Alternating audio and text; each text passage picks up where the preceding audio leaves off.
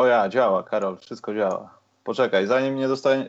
Po pierwsze, dzień dobry. Po drugie, zanim nie dostajecie oczojebnego wstrząsu jakiegoś, nie wiem, to kiedyś przy Pokémonach było, że ostrzegali, że jak za dużo się dzieje na ekranie i mryga, to lepiej nie oglądać, można dostać padaczki. To może tak docelowo nie wyglądać, ale Wiktor wysłał nam Karola Buzera w różnych odsłonach. Także stwierdziłem, że czas skończyć ze starym y, tłem. Ja postarałem się wszystko tak dorobić, żeby naprawdę nie padł mózg, ale ja prawdopodobnie będę to poprawiał, także, także wybaczcie za tą biegunkę lekką. No i co, no i zaczynamy. Cześć Karol. Dobry wieczór Michał, dobry wieczór Państwu. E, jak czujesz się z, z bardzo oczojebnym nowym tym tłem? Coś myślisz, no. że Karol można zmienić w tym? No wiesz, ogólnie to nie lubię zmian. Będę potrzebował trochę czasu, żeby się do tego przyzwyczaić, ale, ale jest okej. Okay.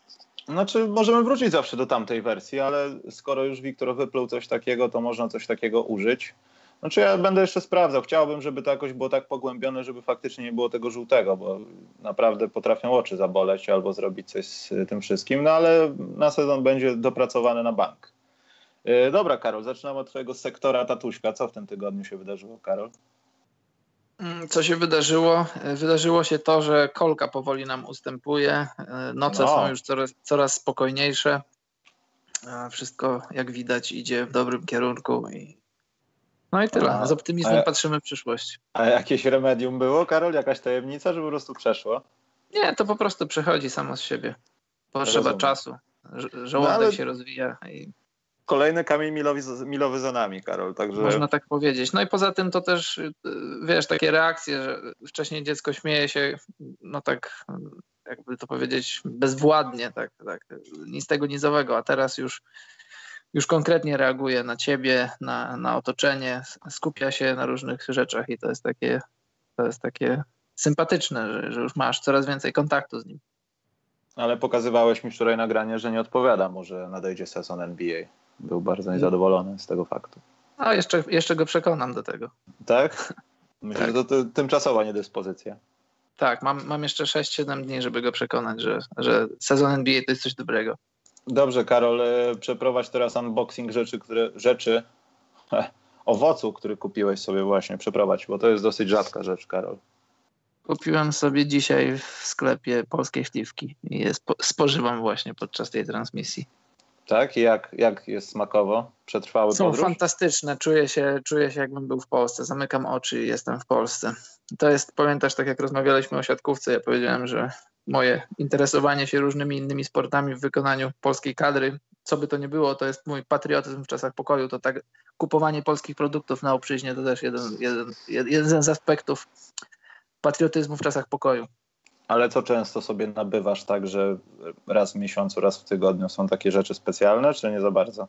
Dosyć regularnie. Akurat tutaj u mnie nie ma za dużo polskich rzeczy, no nie licząc tych właśnie śliwek, czy tam jabłek, czy innych rzeczy, ale jak jestem w Szwecji, w Sztokholmie, to, to jest bardzo dużo miejsc, gdzie można nabyć polskie rzeczy. Prince Polo bardzo lubię, ptasie mleczko i tego typu rzeczy. A co ciekawe, takiego newsa wam sprzedam. Yy, ogólnie w Szwecji jest kilka tak zwanych no-go zones, takich miejsc, gdzie teoretycznie nie powinno się chodzić.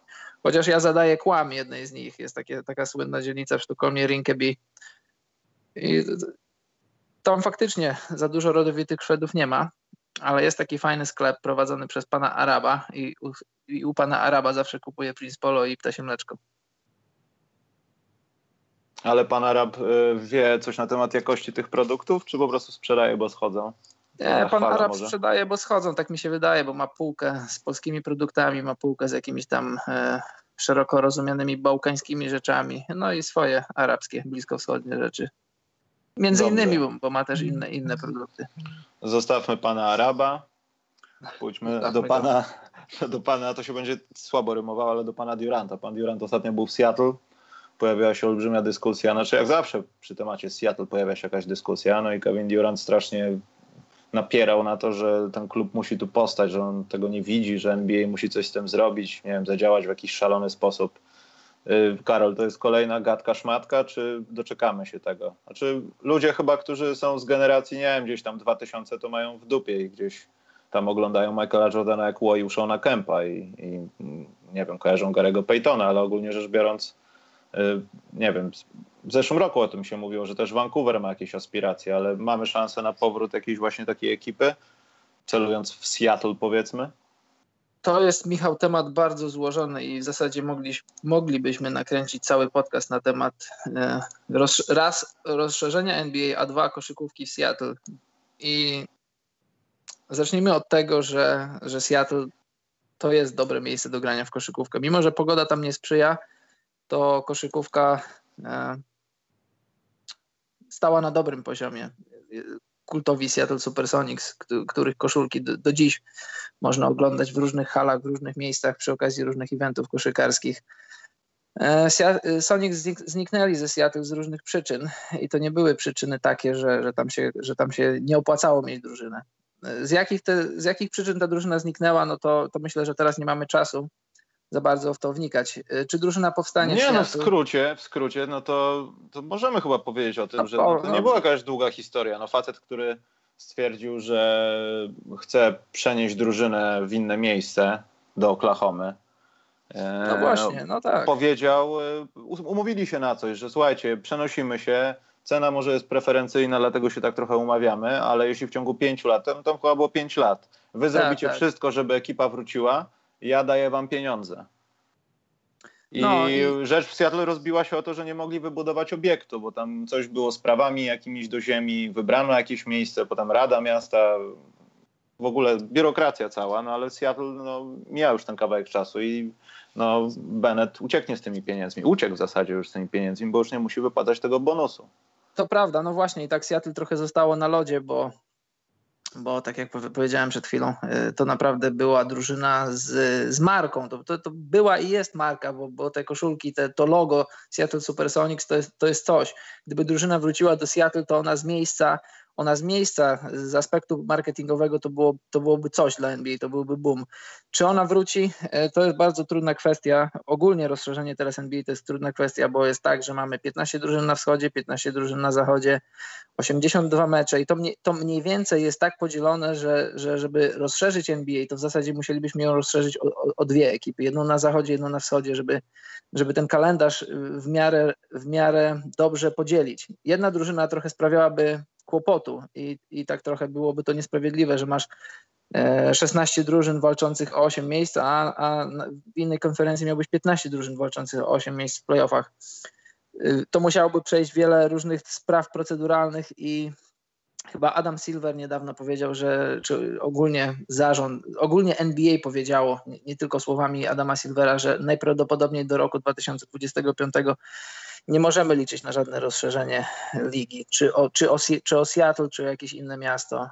Więc y, no, temat jest złożony i, to, to, to nie jest tylko koszykówka, to jest biznes i to jest, i to jest taki biznes przez duże B, bo tam wchodzą różne aspekty też, też polityczne, geopolityczne i no i tyle chyba to na ten, tak na ten moment, żeby, żeby nie zagłębiać się aż tak bardzo. Czy wiesz, Karol, ja myślę, że y, to nie byłby większy problem, gdyby dołączono taką, wiesz, nieparzystą liczbę ekip, bo wiadomo, ciężko byłoby z podziałem, a póki co mówi się o ekipach, nie chcę powiedzieć o Las Vegas, bo to też jest jakiś tam dziwny kierunek, który był gdzieś omawiany, ale one będą na zachodzie, no Vancouver, Seattle, to geograficznie trzeba będzie to tam osadzić, mniej więcej.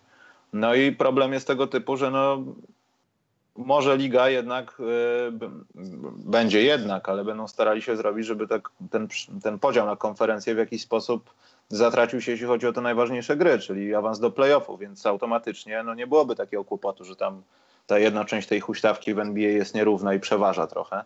Największym kłopotem chyba byłoby stworzenie tych zespołów, bo musiałby z powrotem powstać expansion draft i zespoły, które teraz zarabiają krocie i walczą o tych zawodników najlepszych jak najwyższe miejsca, musiałyby z kogoś rezygnować.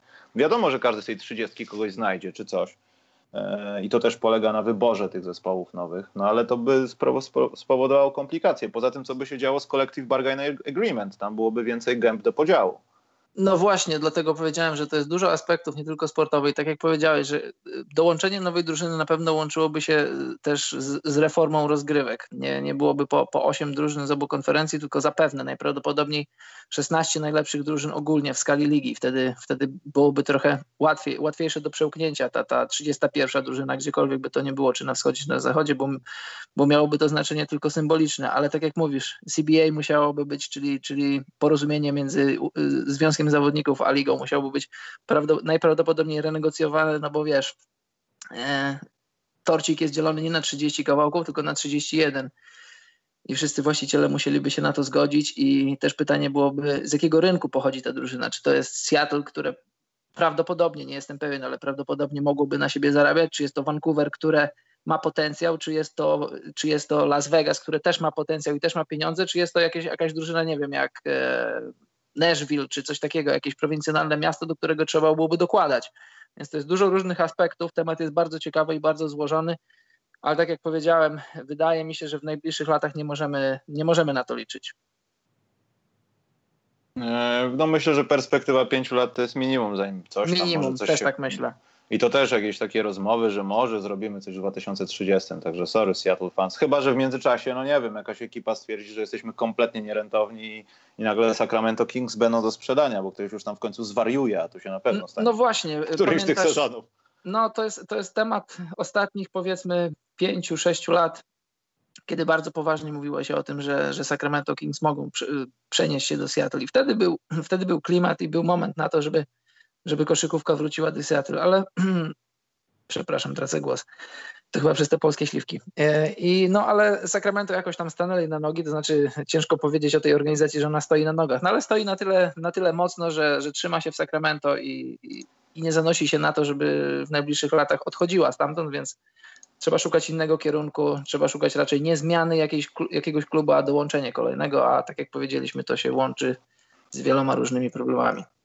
E, pozostając w tematyce problemów, Karol, Phoenix Suns starają się coś zmienić. No i zmienili, wyrzucili Ryana McDonald.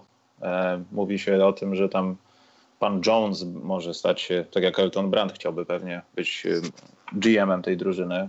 Karol, mają nową ekipę, nie mają GM-a, starają się kogoś nowego. To jest taki efekt nowej miotły, ja wiem.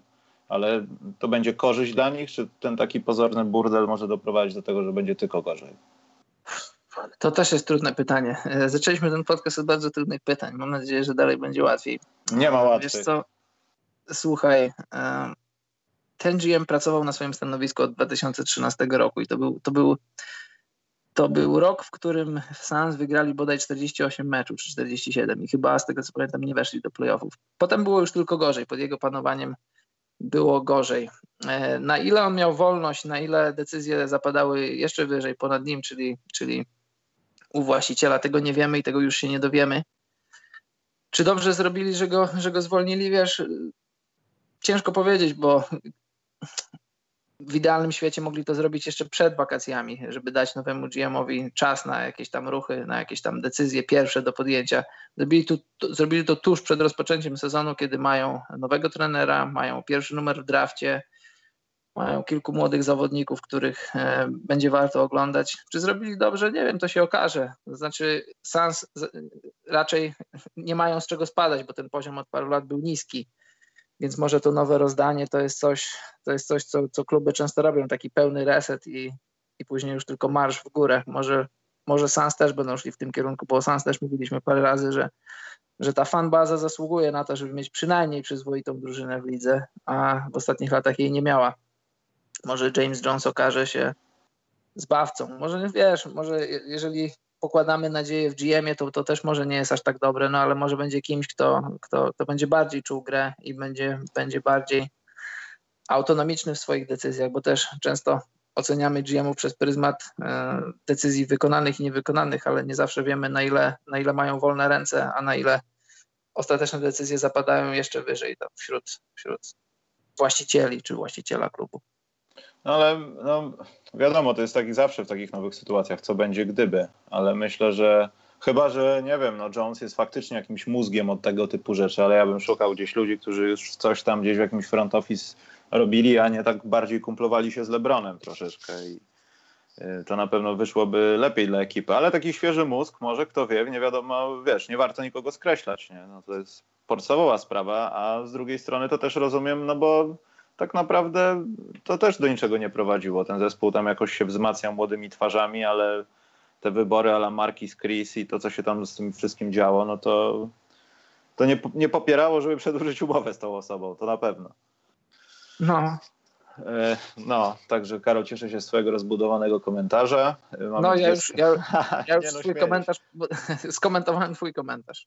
E, nie będziemy nic mówić o Teamim, także jeśli, jeśli ktoś ma pytania dotyczące tego faceta, to nie do nas. Ja, ja nie chcę o tym rozmawiać. Nie, nie. Ostatnio Wojnarowski coś napisał. Obiecaliśmy to... sobie, sorry, że ci przerywam, obiecaliśmy sobie, że nakładamy, nakładamy sami na siebie embargo na koszykarza, którego imię kojarzy się z Timi i dopiero zaczniemy o nim mówić, jak będą konkrety, dlatego że bolą nas brzuchy i głowy od mówienia na temat. Znaczy, wiesz co, Karol, ja tylko się troszeczkę wyłamię, ale jak komuś się nie chce czytać tego, co napisał ostatnio Wojnarowski, to Jimmy był w szatni, tfu, Timmy był w szatni, ale nie powiedział, czy wyjdzie na boisko.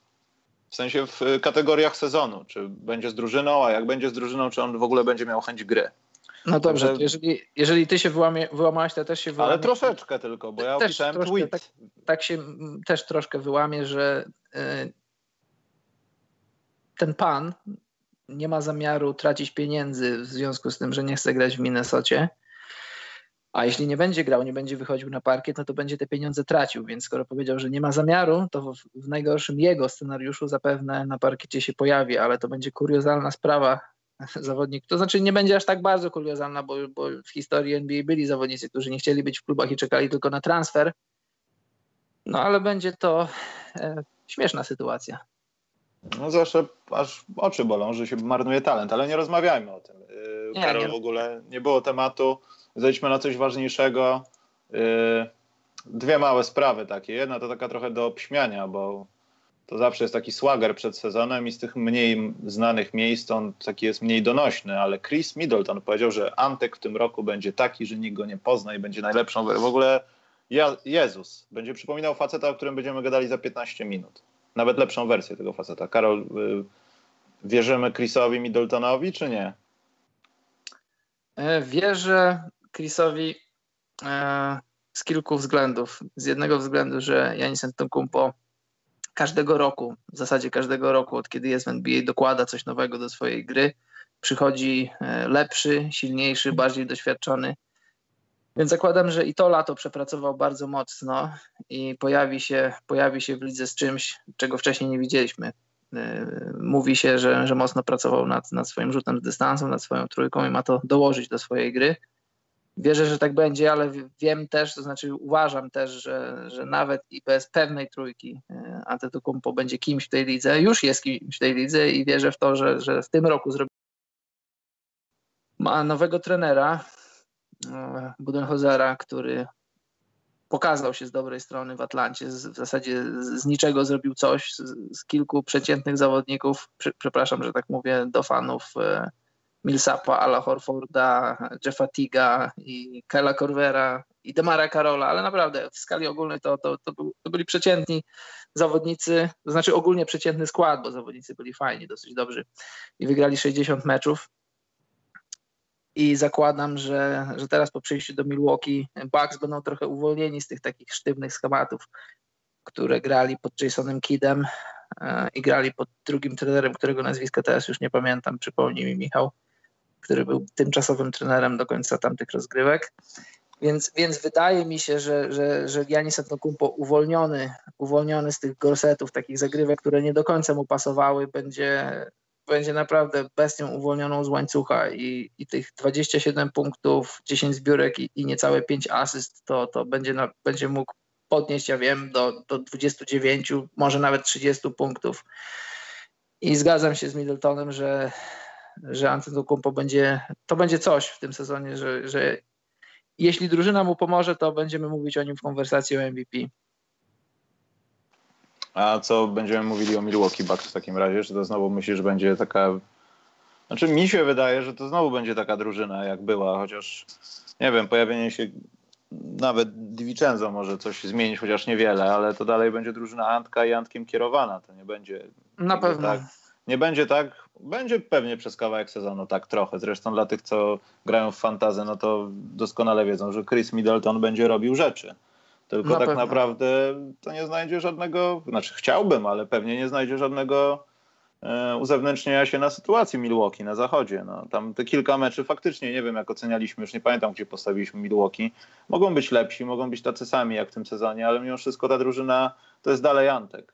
I pewnie znajdzie w końcu ten swój taki nie limit w swoim talencie, tylko limit w byciu drużyną, trochę jak LeBron, że może padnie pytanie, wiecie, no to poprzednio o tym mówiliśmy chyba, z tym Kidem to tak nie do końca, ja nie chcę tej nowej umowy, coś ten, no to ja chyba jednak w tym Milwaukee to nie chcę być. Ja w naszych liniach dawałem poniżej, tam było chyba 46 zwycięstw, jak dobrze pamiętam. Ale powiedziawszy to, nie zdziwię się, jeśli, jeśli Bucks wygrają ponad 50 meczów, a nawet jeśli nie wygrają tych 50, nawet jeśli nie przekroczą tej linii, to ja spodziewam się monster sezonu ze strony Janisa. Z racji nowego trenera, który, który moim zdaniem jest, jest, jest lepszy od wszystkich trenerów, których miał do tej pory Antetokounmpo, no i z racji tego, że, że, że Antek dokłada zawsze coś do, po wakacjach do swojej gry. Dobrze, to chyba na tyle, jeśli chodzi o nusiki przechodzimy do rzeczy, która będzie trwała chwilę, ale chciałem o tym powiedzieć, bo ja byłem zszokowany, Karol. Takie rzeczy nie wiedziałem, że mi się wydarzą w polskiej lidze, ale byłem zszokowany. Ja nawet nie mówię tutaj o występach Damiana Cechniaka, który w Słupsku robi rzeczy takie, że tam w Słupsku w ogóle, Karol, ludzie na koszykówkę pierwszoligową zaczęli przychodzić. Tam jest jakieś odrodzenie koszykówki, o ile będą Bardzo dobrze grać ale naprawdę byłem w szoku, no bo tak naprawdę w zeszłym sezonie oni zbankrutowali, można powiedzieć, nie dokończyli rozgrywek i tylko dzięki temu jedna z ekip z Mazowsza została w Ekstraklasie. Yy, I to nie jest tak szokujące. Karol Legia Warszawa wygrała mecz otwarcia w trzeciej kwarcie 30 do 5. Oni wygrali mecz otwarcia, rozumiesz? Tak, i to najgorsze, że ze startem Lublin, więc nie musisz mi o tym mówić. Dlaczego najgorsze akurat? No bo ja sympatyzuję ze startem Lublin no to nie wiem, to w trzeciej kwarcie coś tam się porobiło i to nawet nie było aż tak szokujące jak to, że Dariusz Wyka w Arce Gdynia no, spuścił w pierdziel Włocławkowi, delikatnie mówiąc. To, to by mnie zszokowało i ten start sezonu rozgrywek naprawdę, jakby się nawet ktoś nie interesował, wygląda dosyć tak y, nerwowo i interesująco. Naprawdę zachęcam, żeby obejrzeć. Chociaż dalej, Karol, są kłopoty z naszym League Passem. Tam się dzieją jakieś dziwne rzeczy. Pomijając już nawet takie rzeczy, że yy, nie, nie, wiem, czy mogę powiedzieć, ale chyba mogę, że na jednej ze stacji telewizyjnych, chyba na Polsacie, ale można to na IPLI obejrzeć, jest magazyn PLK, Karol. Nie wiem, czy widziałeś. Niestety nie widziałem jeszcze. Prowadzi go Łukasz Cegliński. O, super. E, z panem Murasem, Maciejem bodajże, nie chcę skłamać, bo nie pamiętam. I sytuacja jest taka, że w pierwszym odcinku, w pierwszych pięciu sekundach przechodziła w tle pani sprzątaczka i było widać jej głowę i taki kij od szczotki. Także nie do końca y, ogarnięto tam temat, ale fajnie, że ten, że, że coś takiego jest, bo myślę, że to chyba dobra rzecz, że nawet jak coś tam się rozmyje w tych rozgrywkach, bo niewykluczone, że będą jakieś do dupy mecze, których nie będzie dało, dało się oglądać i coś tam się porobi, to mimo wszystko ktoś próbuje coś robić, to mi się podoba, Karol.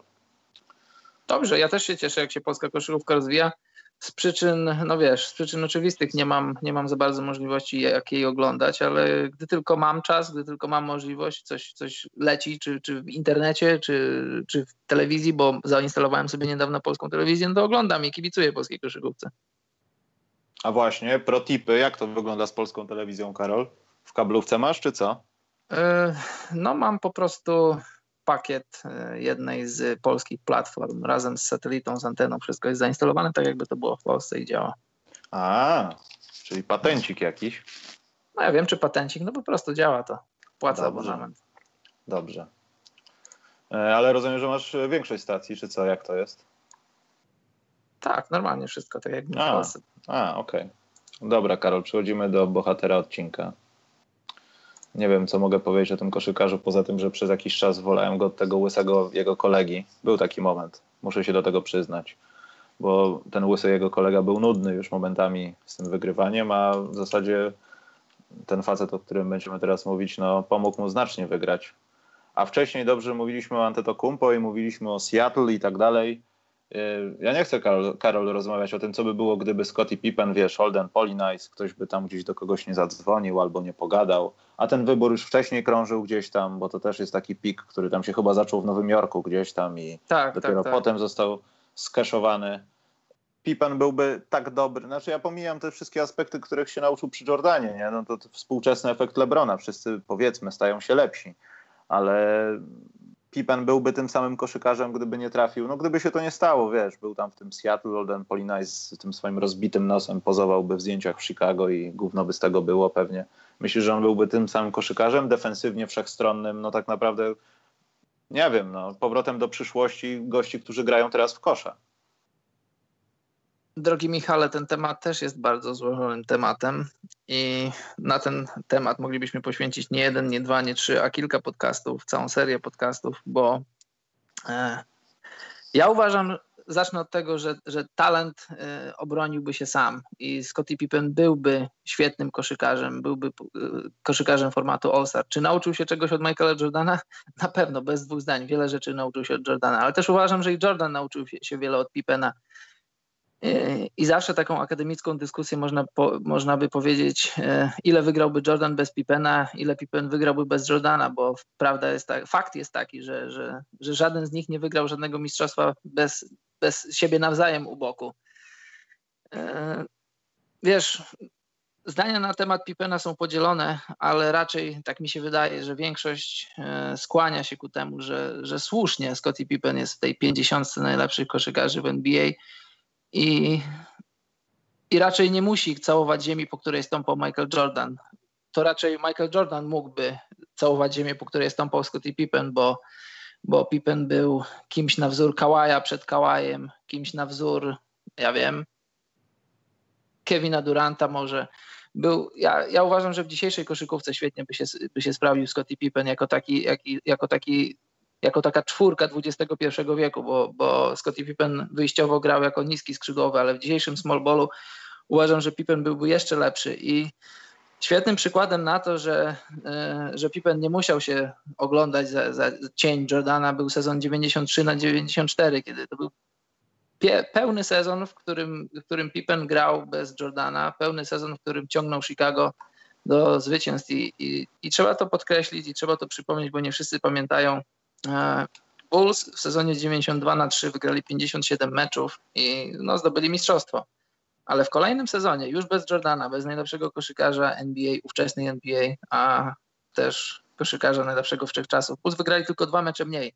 Wygrali 55 meczów e, pod, pod panowaniem, pełnym panowaniem Scottiego Pippena i trzeba też pamiętać, że tamtego lata, w wakacje 93 roku, Puls nie wzmocnili się aż tak mocno, więc można powiedzieć, że drużyna bez najlepszego koszykarza wszechczasów, e, prowadzona przez drugiego najlepszego koszykarza tejże drużyny, wygrała tylko dwa mecze mniej. E, Scottie Pippen w głosowaniu na MVP zajął trzecie miejsce, był za, za Hakimem Olajuwonem i Davidem Robinsonem i zagrał, zagrał świetny sezon, naprawdę wyjątkowy sezon na obu końcach parkietu. I wracając do Twojego wyjściowego pytania, tak, ja uważam, że tak, że, że ciało Scottiego Pippena, jego talent, jego koszykarskie IQ na pewno by się obroniło. Czy to, czy to byłoby u boku. Oczywiście, u boku Jordana było, było mu dużo łatwiej, o, o wiele łatwiej niż, niż, gdyby grało mu się u, u kogokolwiek innego, ale, ale z takim talentem, z takim ciałem jestem przekonany, że nie przepadłby w lidze i w, w każdej drużynie by się odnalazł. No co niestety stało się po tych czasach świetności w Chicago, bo trochę, może nie tyle co przepadł, bo tak naprawdę te wszystkie wszystkie, no, występy jego w kolejnych sezonach i tak dalej. E, mówię tutaj o Portland i tej przygodzie, nazwijmy to z Houston. Ona trwała sezon, tak? E, zaraz po Chicago. To były dalej efektywne sezony Scottiego Pippena. To nie było tak, że on gdzieś zniknął. Faktycznie może był gorzej przygotowany, albo nie wiem, przydarzały się jakieś kontuzje, ale mimo wszystko to dalej był ten sam koleś i w czasach Portland to naprawdę potrafiło wyglądać. Rozmawialiśmy już kilka razy o tej feralnej drużynie z Portland i gdyby tam nie zabrakło jakiegoś timingu i ci goście spotkaliby się powiedzmy, nie wiem, trzy lata wcześniej. U niektórych to pewnie byłoby niemożliwe z racji wieku, no ale tak jak mówiliśmy o Sabonisie, to Pippen by to tylko udowodnił. Że wiesz, tam grałem z tym Jordanem, ale z drugiej strony to walnialiśmy sobie dwa tytuły w Portland i i poza prawda. I też, też, problem taki z ocenianiem Scottiego Pippena bez Jordana, czyli już w tych latach w Houston i w Portland jest taki, że że Scotty był już dawno poza swoim prime'em. Może nie aż tak bardzo dawno, ale już poza swoim prime'em. On miał wtedy już 32 lata, jak odchodził z Chicago. I nie wiem, czy pamiętacie, ty na pewno Michał pamiętasz, finały 98 roku to był, e, to był cień Scottiego Pippena. Scotty miał, grał z kilkoma kontuzjami, z kontuzją pleców na, na czele. Te plecy poddał operacji latem 98 roku i on już nigdy nie był takim samym Scottim Pippenem, jakim był w Chicago. Ale rozegrał komplet spotkań w playoffach, wiesz, to było kozackie. Jasne, jasne, to prawda, ale, ale jak tak obserwowałem go przez lata w Chicago i później obserwowałem go w Houston i w Portland, on w dużej mierze grał już na tym swoim doświadczeniu, już tak nie latał, bo trzeba pamiętać, że, że Scotty był wyjątkowym atletą. Wiele się mówi, zresztą słusznie, o atletyzmie Jordana, ale Scotty też był wyjątkowym atletą. E, I ciężko jest, ciężko jest powiedzieć, jak grałby Pippen bez Jordana, bo, bo gdy grał bez Jordana, to już nie, to już nie był fizycznie tym, tym samym koszykarzem, którym był w czasach w Chicago. Zdecydowanie, a poza tym to powiedziałeś, powiedziałeś wcześniej o tym e, wchodzeniu na wyższy poziom. Myślę, że nawet już nie chodziło o to, że jestem z Jordanem cały czas na treningach, a to jest psychopata, jeśli chodzi o niektóre rzeczy, nawet na treningach. Już nie chodzi o mecze i to, co ciebie wymaga, ale granie przeciwko niemu, znaczy z nim yy, i przeciwko przeciwnikom, którzy, no tak jak nie wiem, Nowy Jork, yy, Detroit i tak dalej, w tych nawet wczesnych latach, to byli goście, którzy wiadomo było, że spotkamy się w pewnym momencie playoffów i to będzie po prostu walka na śmierć i życie. I, i dzięki temu, że Pippen grał z lepszymi przeciwnikami, tak zdesperowanymi, żeby włoić Jordanowi, sam stawał się lepszym graczem. I to było widać w niektórych tych pierwszych sezonach, sezon po sezonie, kiedy no nie do końca na przykład działy się rzeczy jakieś w transition, a potem się okazało, że Pippen jednak jest pierwszą osobą, która przecina podanie i robi to wielokrotnie w ciemno. Popycha, na, popycha, popycha nawet centra, który myśli, że coś się tam będzie działo w środku, wiedząc o tym, ej, ja widziałem, ten koleś już się przygotował, biegnę. I parę razy zdarzyło się, że bieg bez sensu i faktycznie zrobiła się przewaga, ale wielokrotnie było po prostu to na wyczucie. To było coś takiego, co miał Denis Rodman, że stał w jednym miejscu, ktoś rzucił i on stał w idealnym praktycznie miejscu, żeby po prostu podskoczyć i złapać piłkę.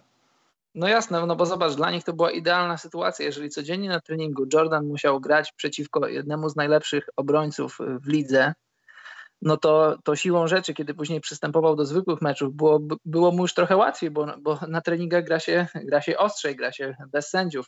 A z kolei Scottie Pippen, jeżeli co wieczór, to znaczy co wieczór, codziennie na treningu musiał kryć najlepszego koszykarza w NBA, to gdy przystępował do normalnych meczów, to już było mu łatwiej, bo już nie miał naprzeciwko, się, naprzeciwko siebie tych, y, Jordana, tylko miał Drexlera i wszystkich innych ludzi, ale to było o, o, o trochę niżej, więc oni, oni naprawdę wielkim szczęściem dla Jordana było to, że Scottie Pippen trafił do jego drużyny.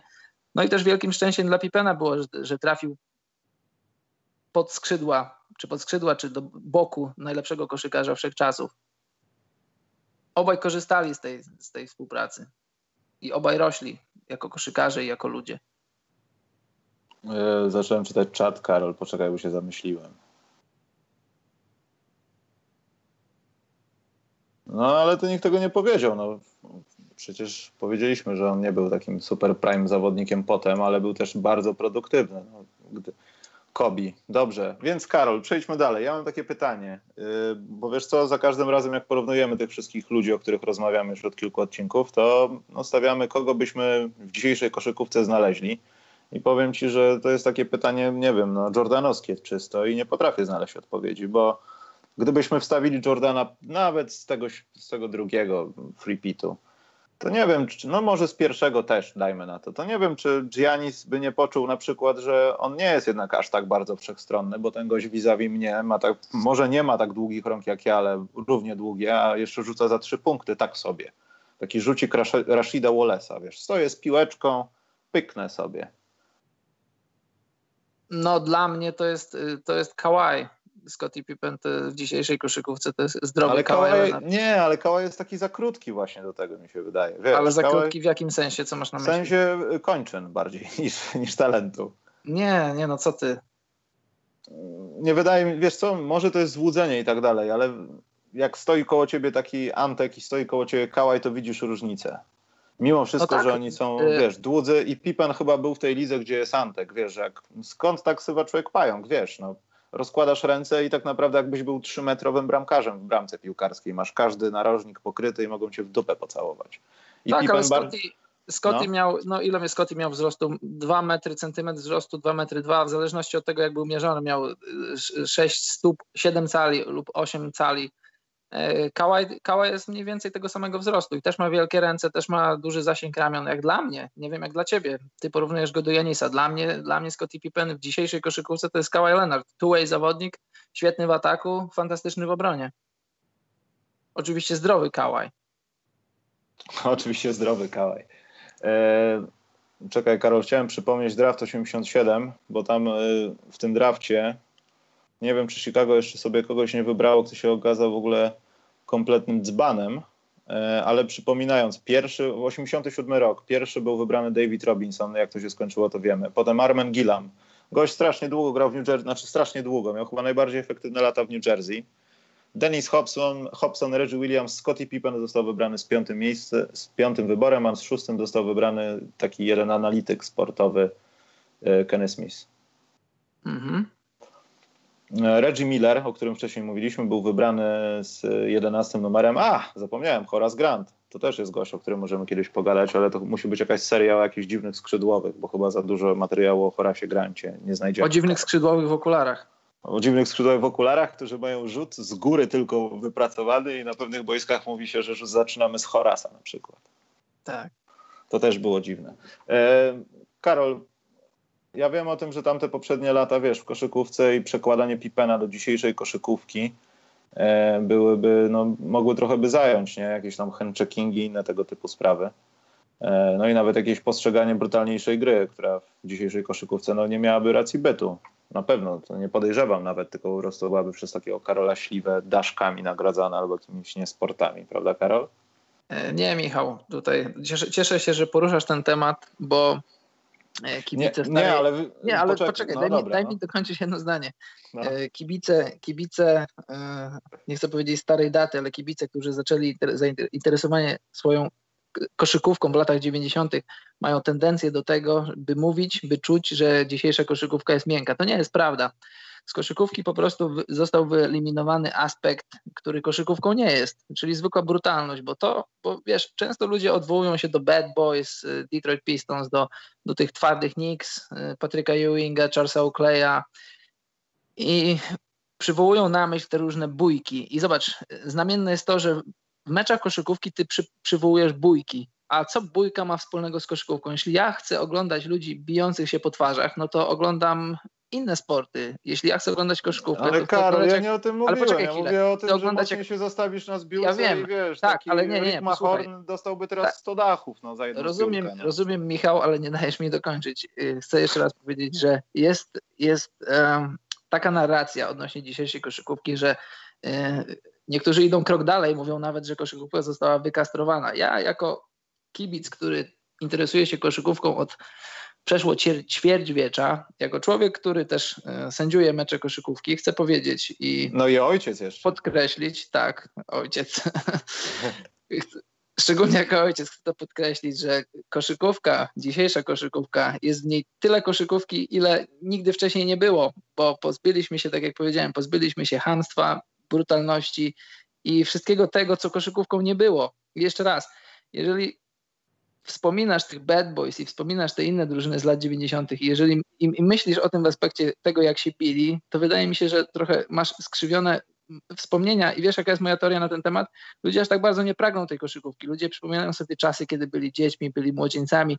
Nie musieli się zastanawiać, ile kosztuje litr benzyny, nie musieli się zastanawiać, ile kosztuje, ile wie, wynosi rata kredytu. To było najfajniejsze w tym wszystkim, że żyłeś sobie beztroskim życiem w latach 90. po meczu oglądanym, szedłeś sobie na boisko, pykałeś sobie w kosza, nic cię nie interesowało. To było w tym wszystkim fajne, to było piękne w latach 90. Bo lata 90. można bardzo szybko odczarować, jeśli chodzi o aspekt koszykarski. Idziesz do, na YouTube i oglądasz całe mecze z lat 90., początku lat 90., lat 80. I jeśli obejrzysz tych kilka meczów, całych meczów od pierwszej do ostatniej minuty, to zobaczysz, że e, a w tych meczach było dużo talentu, owszem, dużo siły, to prawda. Ale zobaczysz też, że było dużo hamstwa, dużo takich rzeczy, które, które w dzisiejszej koszykówce, w dzisiejszych czasach po prostu nie pasują. I to są rzeczy, które i tobie by przeszkadzały. Nie mówię tobie, Michał, tylko ogólnie tobie, wam, jako kibicom koszykówki lat 90., którzy są tak 90sowo-centrycznie skoncentrowani na tamtej koszykówce. Tamta koszykówka nie chcę powiedzieć, że była gorsza, nie chcę powiedzieć, że była lepsza, była po prostu inna. I ta koszykówka dzisiejsza, koszykówka Anno Domini 2018 nie jest soft, nie jest wykastrowana, jest po prostu wyczyszczona z tego wszystkiego, co koszykówką nie było. Eee, Karol po prostu brał dzisiaj dziwne środki, dlatego trochę bredzi, co? Karol. Dziwna. W sumie to masz rację, bo akurat y, rozmawiam z tobą i popijam kubek. Alko alkohol? Ziół. A, kubek ziół. U was się nie pali, tylko pije, to ładnie. Ładnie, ładnie, tak, Karol. Bardzo ładnie.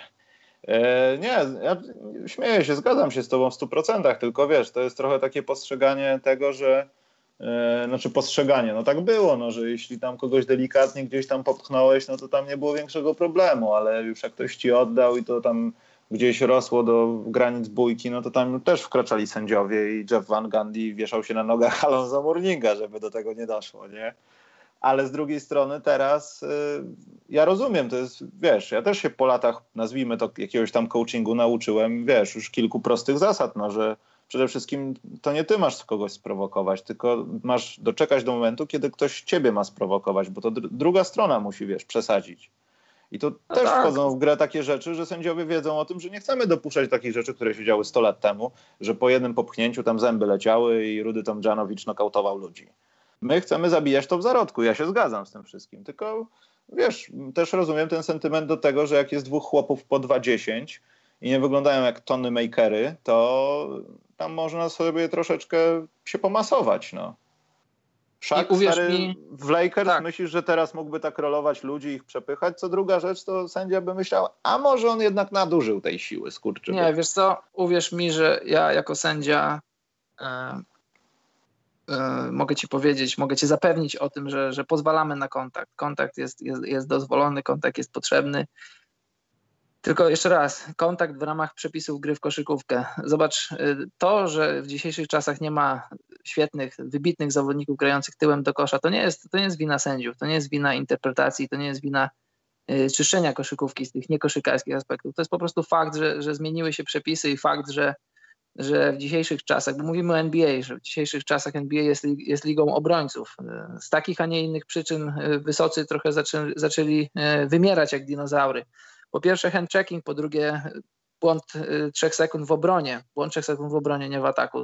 Przepisy, które są w NBA, na które czekam, a może nie czekam, ale wydaje mi się, że czekam. Wydaje mi się, że to uatrakcyjniło koszykówkę w wydaniu FIBA, więc czekam na ten przepis, czekam na błąd trzech, trzech sekund w obronie.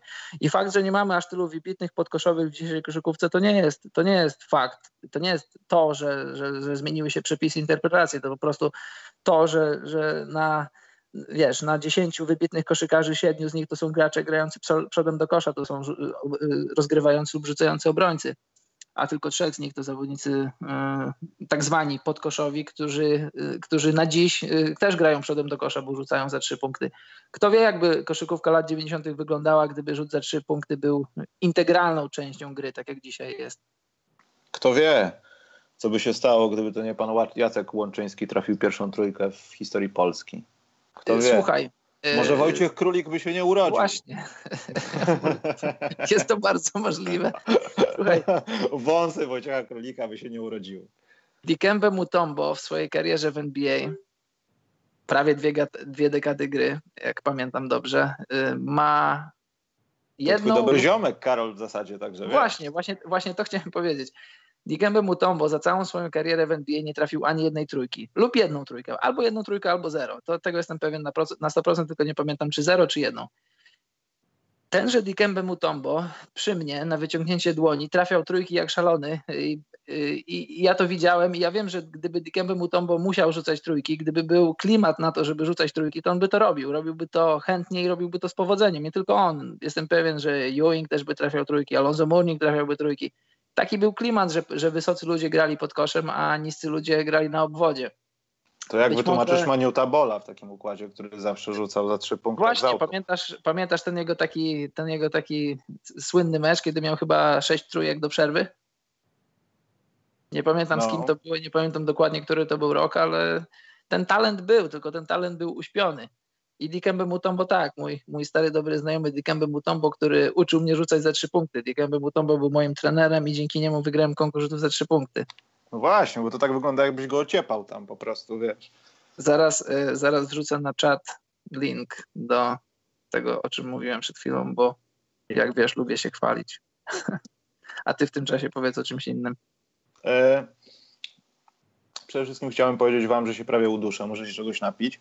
Druga sprawa jest taka, że e, no, będziemy powoli zamykać e, Scottiego Pipena w naszym programie, także jak macie jakieś pytania, to walcie na czacie, e, bo dzisiaj chyba wprowadzamy, Karol, nowe modły, bo się sezon zbliża, więc jak mamy robić to częściej, w tym tygodniu może nam się uda jeszcze być, ale od przyszłego tygodnia myślę, że tak już sezonowo będzie.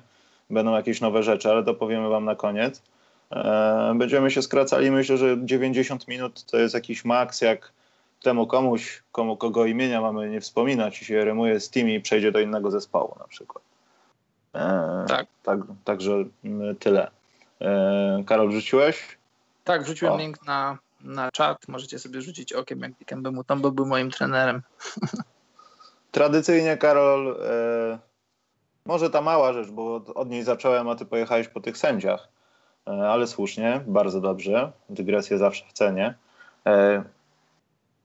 Wstawiasz Pipena z jakiegoś tam swojego ulubionego okresu, nie wnikam. Do której drużyny dzisiaj by pasował tak, wiesz, że brakujący puzzle w układance?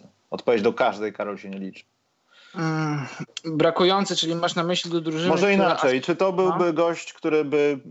Ja też pomijam chęci i niechęci, bo też może o tym nie rozmawialiśmy, ale warto wspomnieć, że Pippen oprócz tego, że no, był świetnym zawodnikiem, e, ten cały jego rozwój, niezależnie od tego, czy dzięki Łysemu, czy nie, czy dzięki Philowi Jacksonowi, czy nie, e, mógł spowodować, spowodowałby i tak to samo, że Pippen był zawodnikiem, który miał zawsze swagger.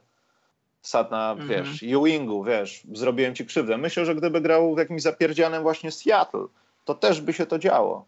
Wiesz, o co też chodzi? tak myślę. Też ta, ja też tak myślę. Bójki, prowokowanie przeciwnika, to wiadomo, znajdowało ujście i się w jakiś sposób mnożyło, powielało, bardziej się wzmagało w nim, że wiesz, co, Michaela będziesz popychał stary. Nie, myśmy zdobyli trzy tytuły i zaraz zostaniesz w Michę, brzydko mówiąc.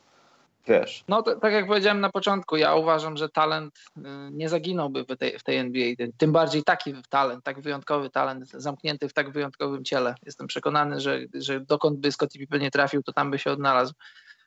Do jakiej drużyny dzisiaj by pasował Scotty? No, to jest dobre pytanie. E, może wiesz co, może pytanie to jest za bardzo ogólne, ale żeby przyspieszyć, to może do której strony mocy, bo teraz mamy dwie strony mocy. Jedna tak, strona tak, mocy tak. to jest Houston Golden i powiedzmy jeszcze Oklahoma. To są ludzie, którzy wiesz, robią te nowe rzeczy, a są ludzie, którzy też robią nowe rzeczy, ale kompletnie koszykówka na tym jest nieoparta, czyli nie wiem, Toronto-Boston. Ja Scottiego widzę w trzech drużynach, które z miejsca uczyniłby drużynami e, kontendera na, na takim, takim ścisłym poziomie. To jest dla mnie, dla mnie to są, to są właśnie Houston Rockets. Jeżeli wstawiasz Pipena w swoim prime za, za Arizę z zeszłego roku, czy nawet Melo z tego roku, to masz A, masz świetnego strzelca i B, nie wiem, czy jeszcze nie lepszego obrońcę, który mógłby siedzieć na Durancie, mógłby siedzieć na Kałaju, na, na, na wszystkich innych dwójkach i trójkach, a w dzisiejszej koszykówce może nawet i czwórkach najlepszych drużyn, z którymi przychodzi ci grać i taki James Harden może być upychany gdzieś tam w obronie, chowany w obronie, a w ataku Scotty jest ci w stanie dać 20-20 plus punktów co wieczór, chociaż no nie ma takiej potrzeby, jeśli masz Jamesa Hardena i, i, i Chrisa Paula, ale zawsze masz ten, tą, jeśli twoją trzecią opcją w ataku jest Scotty Pippen w prime, to, to jesteś, jesteś w dobrym miejscu, twoja drużyna jest w dobrym miejscu. Drugą drużyną to byłaby jak dla mnie Filadelfia. Masz młodego, młodego Simonsa, młodego Embida i taki, taki łącznik Scottie Pippen, który mógłby robić trochę tego, trochę tego. Mógłby odciążać Simonsa od rozgrywania piłki. Simons mógłby grać bliżej do kosza, trochę bardziej off-ball. Jeszcze raz, świetny w obronie, rozciągający grę, bo i Embiid, i, no znaczy Embiid lubi rzucać, ale, ale nie jest świetnym strzelcem za trzy punkty. Ben Simmons nie jest w ogóle strzelcem za trzy punkty, więc rozciągający grę Scottie Pippen to byłby skarb prawdziwy dla nich dwóch. No i też myślę, że Lakers masz LeBrona, który jest, e, nie chcę powiedzieć namiastką, ale powiedzmy jakąś tam wersją, najlepszym koszykarzem w NBA, więc jakąś tam wersją Michaela Jordana. To się wytnie to się wytnie. I masz Scott... Nie, nie, na miasto nie, to tu wiesz, to nie, żadnego hejtu nie ma, tak? nie, nie wiedziałem jakiego słowa użyć. I masz Scottiego Pipena, który też, jeszcze raz, może siedzieć na najlepszych zawodnikach, na których y, LeBron z różnych przyczyn nie siada, to znaczy przez cały sezon i w playoffach też. I to byłoby coś. Masz Scottiego Pipena, masz gościa, którego prawdopodobnie LeBron James nigdy nie miał u swojego boku, nie licząc może czasów w Miami, kiedy miał Wade'a i Boscha, a może nawet też nie.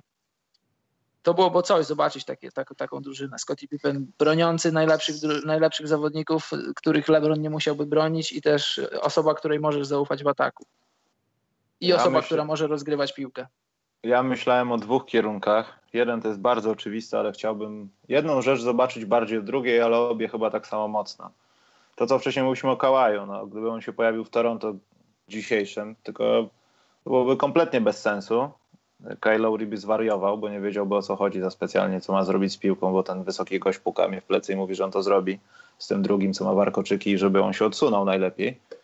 Eee, ale mimo wszystko chciałbym to zobaczyć tą straszną hydrę, kiedy dołącza do Golden State Warriors i jest z Kevinem Durantem w obronie przede wszystkim.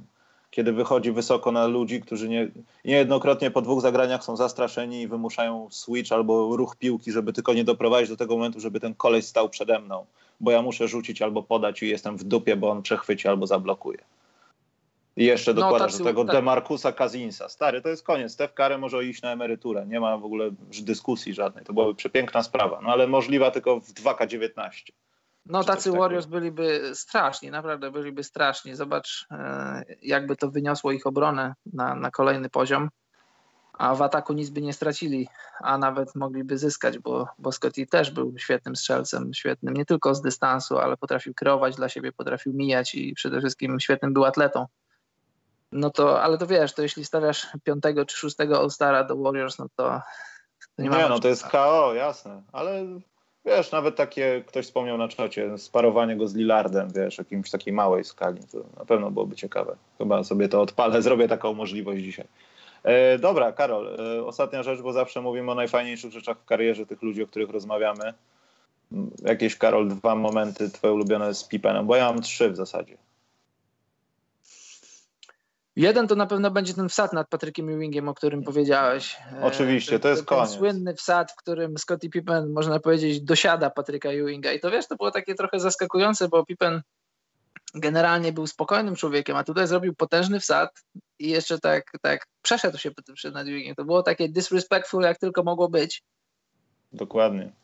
To było coś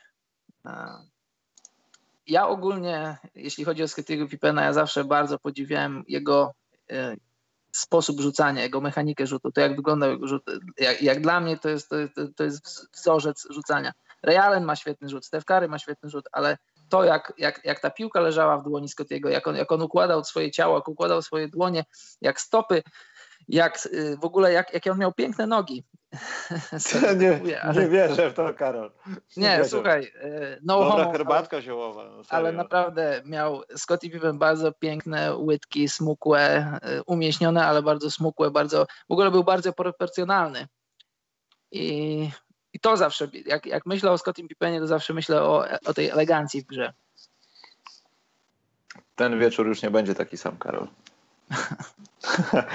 E, nie, jasne. Poza tym wiesz, no, to, to, chyba, ale ja już sobie chyba dawno to wytłumaczyłem, że my mamy tak z tymi graczami z lat 90., bo te wszystkie highlighty, które gdzieś tam docierały, albo te mecze, one zawsze były takie harmonijne, wiesz. I to może jest po prostu złudzenie tego, że człowiek był młodszy i nie zdawał sobie sprawy z niektórych rzeczy.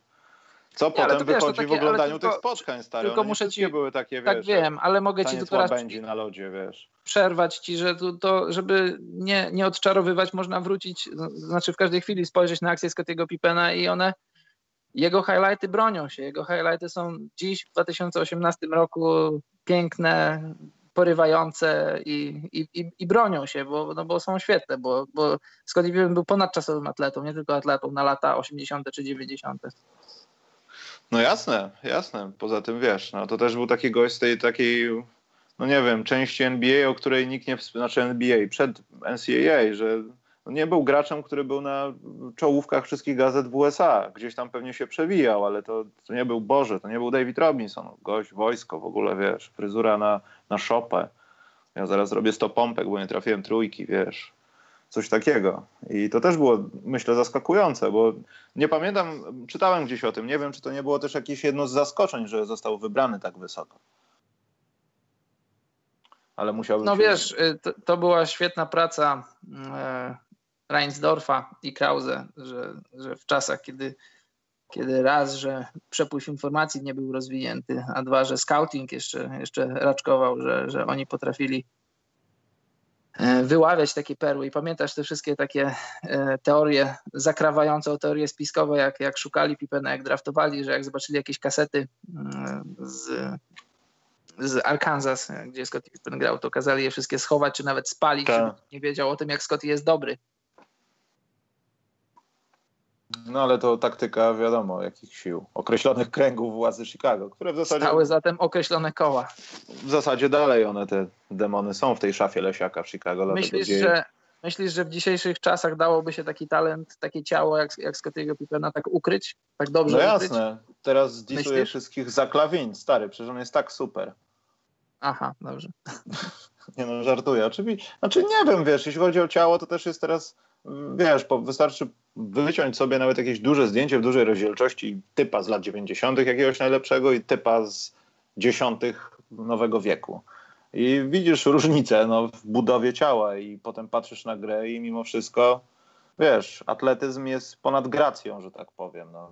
Widzisz biegnącego tak. jak konia faceta, który mógłby równie dobrze podnieść traktor i on daje zaraz wsad do kosza. No. No, ale widzisz, tu trochę piję ogólnie... do Zajona. Williamsona no. i tych jego zdjęć nowych, czy to jest Photoshop, czy naprawdę dali mu dużo rzeczy do jedzenia ciekawych w wakacje. To prawda, ale dziś ogólnie jest taka tendencja, ona, ona w sumie nie jest aż tak dobra dla koszykówki, że przede wszystkim szukasz atletyzmu, atletyzmu, czyli tak jakby tej bazy, tej takiej gliny, z której mógłbyś lepić koszykarza. Mniej patrzy się na ten aspekt koszykarski, szuka się przede wszystkim atletów, z których robi się koszykarze, a nie koszykarze, którzy będą mogli być e, twoim zawodnikiem przez 10 czy 15 lat no jasne, ma to swoje plusy, ma to swoje minusy. Ogólnie y, sport y, drużynowy jest, jest bardziej atletyczny. Każdy, nie tylko koszykówka, ale każdy jeden drużynowy sport jest bardziej atletyczny w dzisiejszych czasach niż 10 czy 15 lat temu. Dobra, Karol, wróćmy do tych momentów. Wsad na, na Ewingu to raz. Co masz jeszcze? Chyba, że nie masz. Mam. E, to były finały 97 e, bodaj roku. Pamiętasz taka akcja, że Jazz wyprowadzają piłkę i Scotty rzuca się, nurkuje po nią, e, piłka, piłkę tak końcówkami palców popycha do Toniego Kukocza, Toni Kukocz stawia kropkę na D Mistrzostwa Bullsów. No, no.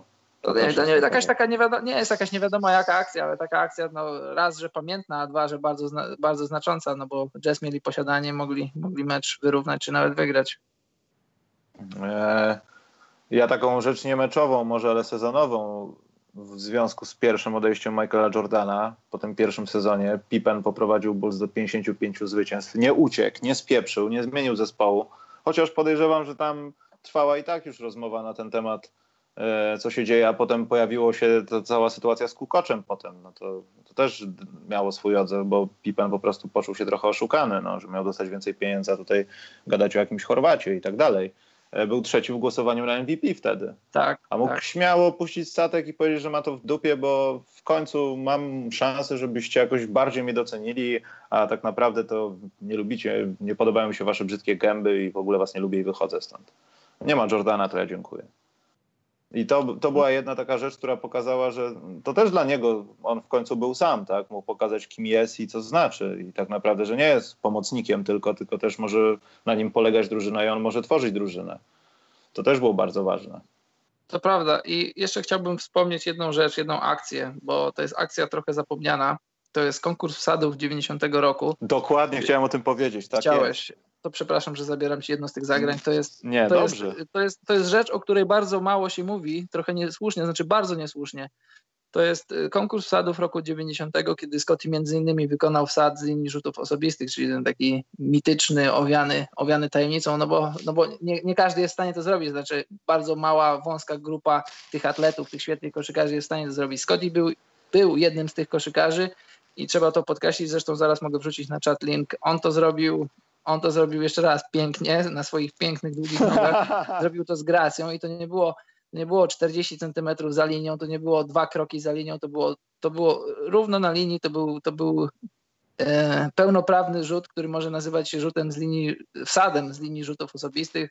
Scotty zrobił to pięknie w swoim stylu i to jest akcja, to jest zagranie, o którym za mało się mówi, a raczej historia trochę zakurzyła to zagranie, a trzeba o tym pamiętać. Też pamiętasz, Michał, w książce Jordana, nie pamiętam której, e, autor słusznie zwrócił uwagę na pewien aspekt.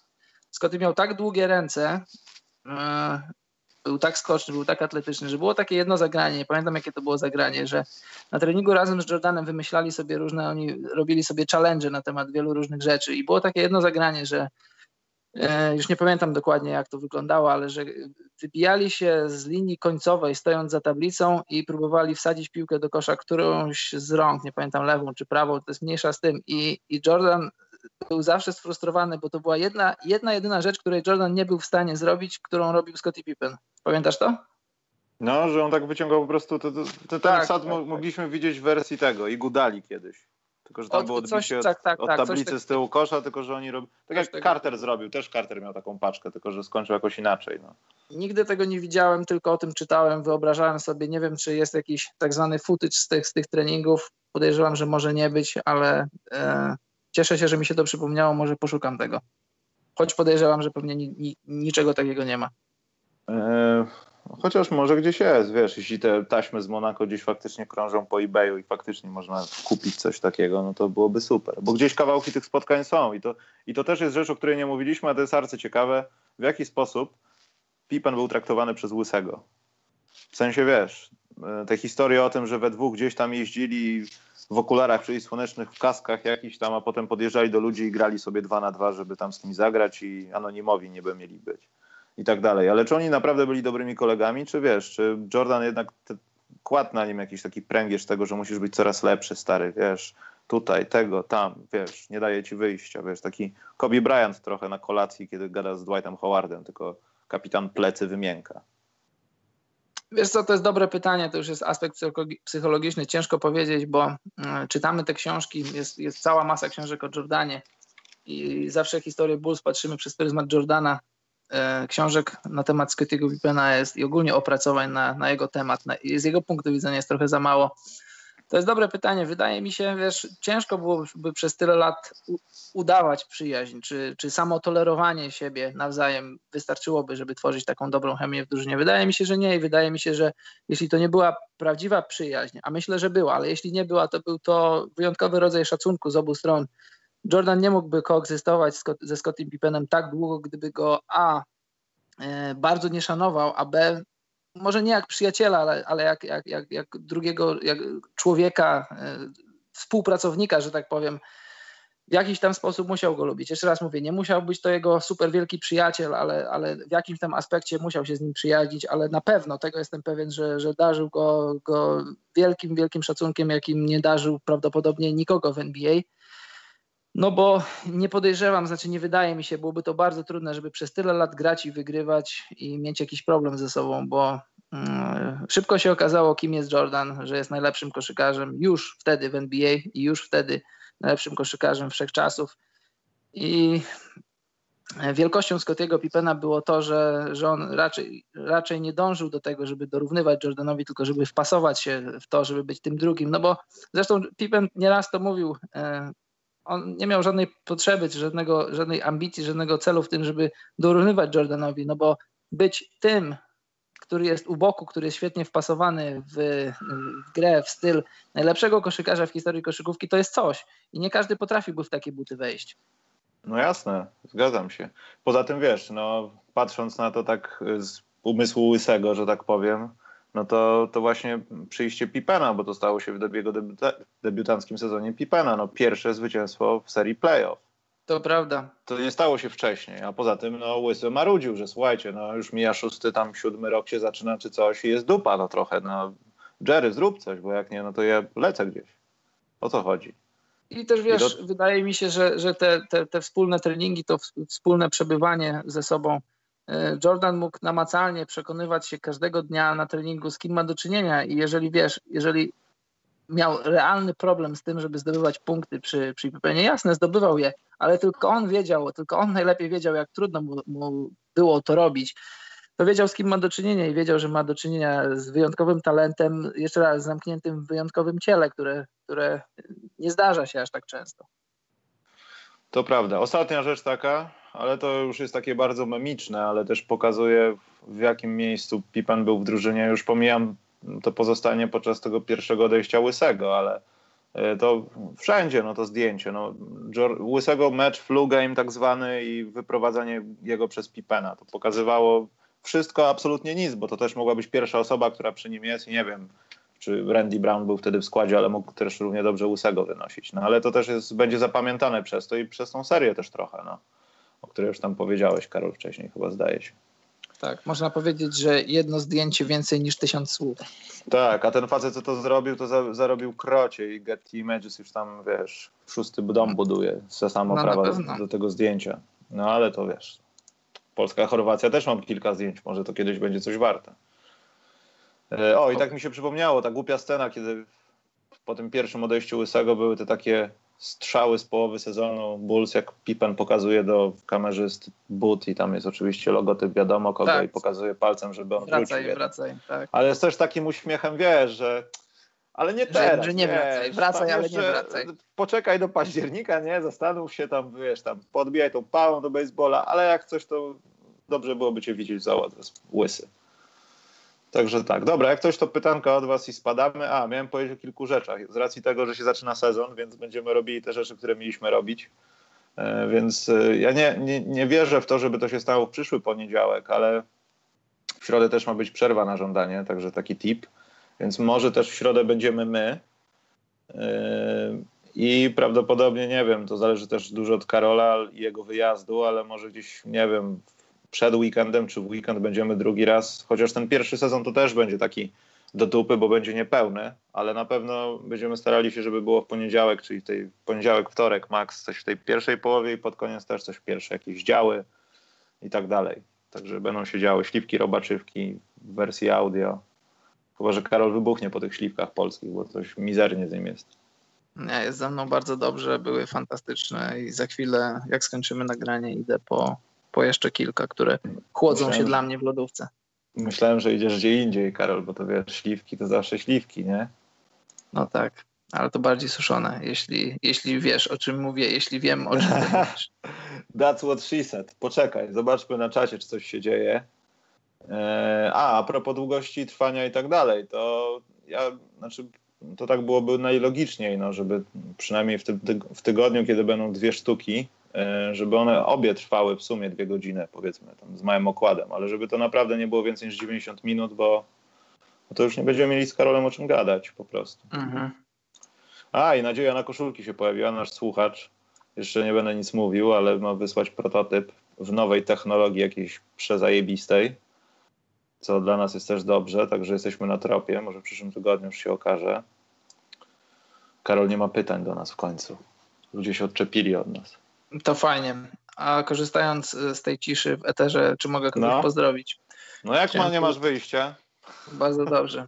Chciałem pozdrowić osobę, która słucha nas teraz na żywo. Wiem, że to robi, bo wysłałem jej link. Jest to mój bardzo dobry przyjaciel. Też ma na imię Karol, też mieszka w Finlandii, też jest sędzią i tak się akurat składa, że w najbliższy weekend będziemy razem sędziować w sobotę mamy Ekstraklasę Kobiet, a w niedzielę mamy pierwszą Ligę Mężczyzn. Jeśli są jacyś Polacy, którzy nas słuchają i akurat będą w tym czasie w Helsinkach, to wpadajcie, zobaczycie jak, jak Polacy robią basket w Finlandii.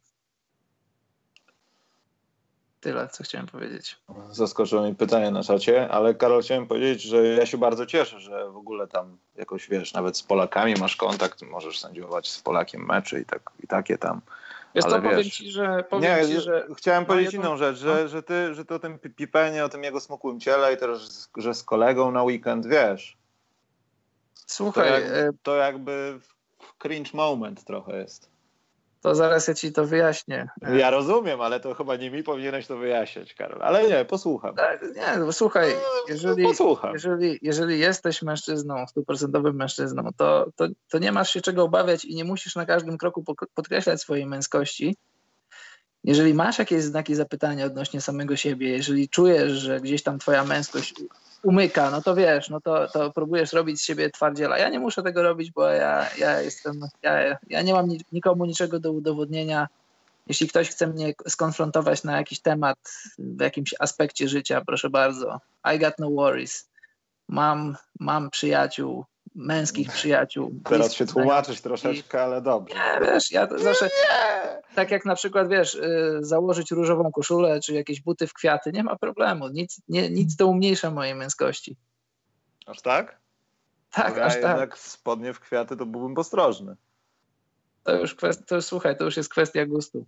Bo to już nie dowodzi, że może się komuś nie spodobać, ale jak się komuś stary spodoba, jest agresywny. Nie ma problemu. Nie ma problemu.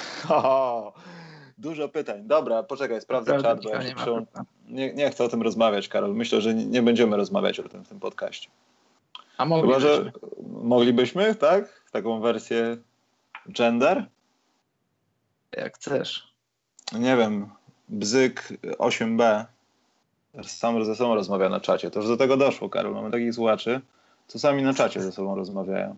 No bo może jest bzyk 8B i 8A. Niepokoi mnie to, że na 50 ponad osób nikt nic nie pisze i tylko jedna osoba, ale mimo wszystko rozmawia sama ze sobą. Wyczerpaliśmy tematy może. Wyczerpaliśmy tematy, poza tym trudno się spodziewać, sezon się zbliża i poza bójką y, J.R. Smitha ze Smartem nie dzieje się absolutnie nic. I bardzo Absolutnie. dobrze. To jest, Bardzo to jest niedobrze, bo ja chciałbym się dowiedzieć, Michał, chleb gdzie pójdzie ten, o kim mieliśmy nie rozmawiać. Bread and Gdzie butter. on pójdzie? Stukam jak Karol Wasiek w biurko. Jestem zbulwersowany teraz. Nie wiem, nie wiem. Co masz do Pipena? To jasna czekolada, smukłe łydki, długie umie... Nie czytam tego dalej. Fu!